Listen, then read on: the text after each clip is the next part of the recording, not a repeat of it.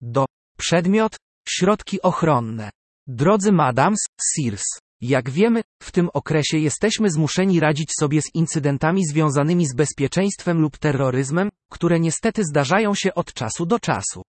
Gdy dana osoba zostanie zaatakowana w miejscu publicznym, istnieją dwie opcje reakcji, jak wiadomo, jedną z opcji jest walka i walka z tym samym sprawcą, a drugą opcją jest próba ucieczki z miejsca, aż wściekłość minie. Jednak jeśli chodzi o osobę niepełnosprawną, a jeszcze bardziej prawdziwą, jeśli chodzi o osobę na wózku inwalidzkim, żaden z tych dwóch sposobów nie jest możliwy.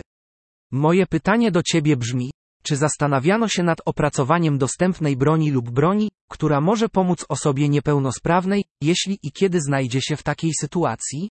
W zakresie, w jakim taka broń jest otwarta na poziomie technicznym, zastanów się, jak ustalić kryteria i testy mające na celu ustalenie, które osoby niepełnosprawne będą miały dostęp do takiej broni, a to z powodu możliwości nadużycia takiego prawa do samoobrony? A może jest to urojeniowy i szalony pomysł, lub etycznie lub moralnie niedopuszczalny, który nie jest godny żadnego rodzaju? Co myślisz? Zauważę, że nie mam wiedzy na temat otwartej broni i dostępu, które znam tylko jako osoba niepełnosprawna, która okresowo poszukuje produktów, które pomogą w codziennym życiu w razie potrzeby. Z pozdrowieniami, Asaf Benjamini.